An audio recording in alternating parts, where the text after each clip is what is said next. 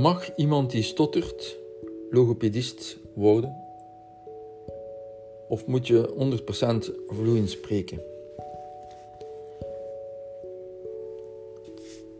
In het jaar 2000 studeerde ik af als logopedist en was ik voor 99% stottervrij. De jaren daarvoor,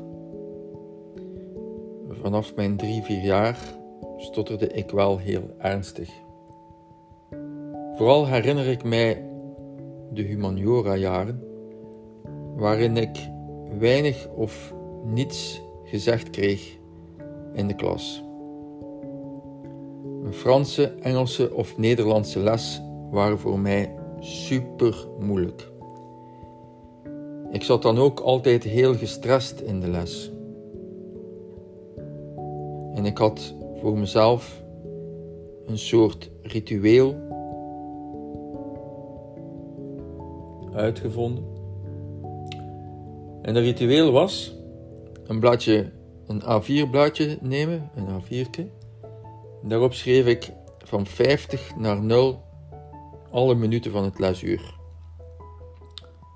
Of niet alle minuten, maar zeker 50, 45, 40 en zo naar 0. Dus om de 5 minuten zette ik een streepje door het getal. Zo zat ik ongeveer 8 jaar in het humaniora, want ik ben jammer genoeg mijn vijfde en zesde jaar niet zo vlekkeloos doorgekomen. Mijn vijfde jaar twee keer en mijn zesde jaar twee keer. Twee laatste jaren. Ik lette helemaal niet op in de klas, ik was afwezig. En ooit heeft er iemand van het CLB mij gevraagd: Gert, wat scheelt er? Mijn antwoord was uh, schouderophalend. Um, ik zei eigenlijk, ja, niet veel. En ik wist eigenlijk zelf niet wat er fout was met mezelf. Natuurlijk was het stotteren de hoofdoorzaak van mijn slecht functioneren in de klas. Gelukkig had ik ook nog een ander leven. Ik was sportman. Ik heb gebasket bij BBC Hellas Gent en ik was belofte in het Hellas team. En de sport heeft mij enorm veel geschonken. Vooral verdoving. Waar dat andere mensen het zoeken in alcohol of drugs, zocht ik het in de sport. Ik trainde iedere dag 2 à 3 uur vanaf mijn 11 jaar. Ik wou sportman worden. Ik wou spelen op het hoogste niveau.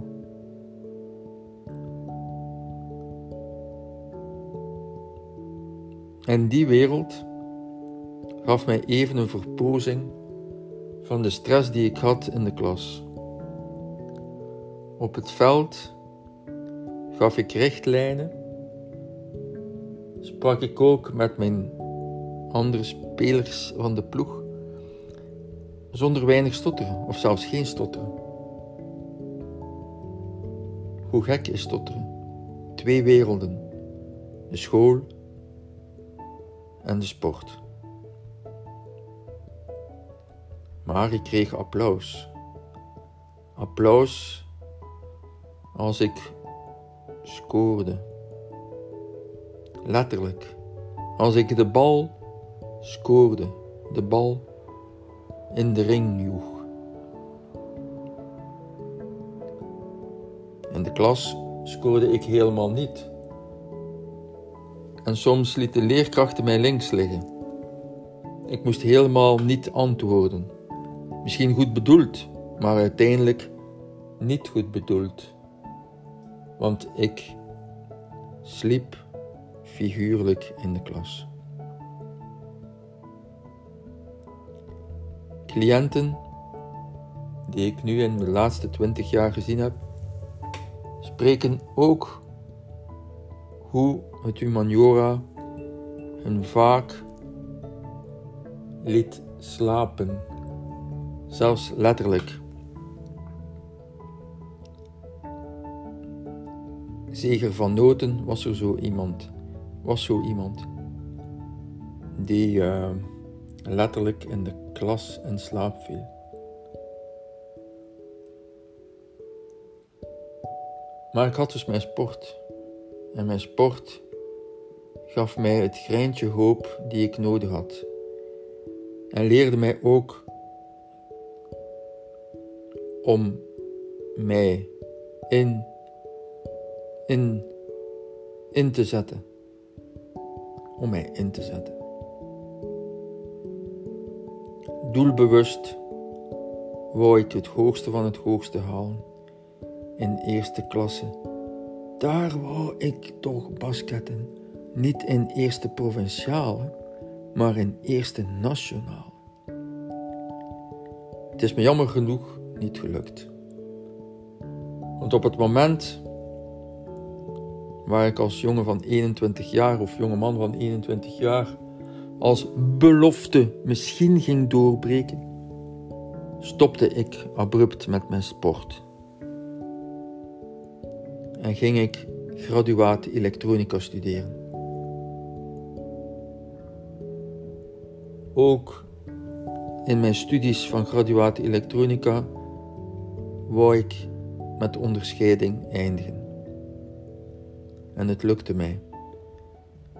Ik die uit het gewone humaniora kwam, behaalde een graduaatsopleiding elektronica met onderscheiding. Ik wil maar zeggen, er bestaan twee werelden, soms drie werelden. Een wereld waarin men, goed, men zich goed voelt en een wereld waarin men eigenlijk enorm twijfelt aan zichzelf. Die dingen ging ik later meenemen in mijn logopediepraktijk. Mensen moed geven en vertrouwen geven. Moed en vertrouwen zijn twee belangrijke aspecten in de logopedie die we bij jongeren moeten aanzwengelen.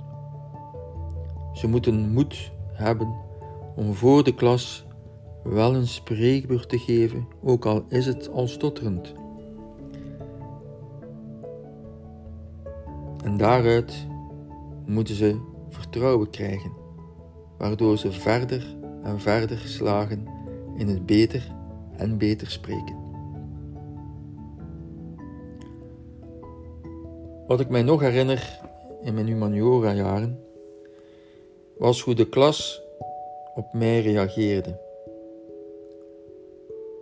Sommigen met medelijden, anderen met een lach en sommige anderen vonden het wel nodig om mij af en toe eens uit te maken voor stotteraar. Het woordje stotteraar is gevallen en wij zijn geen stotteraars, wij zijn mensen die stotteren. In 2001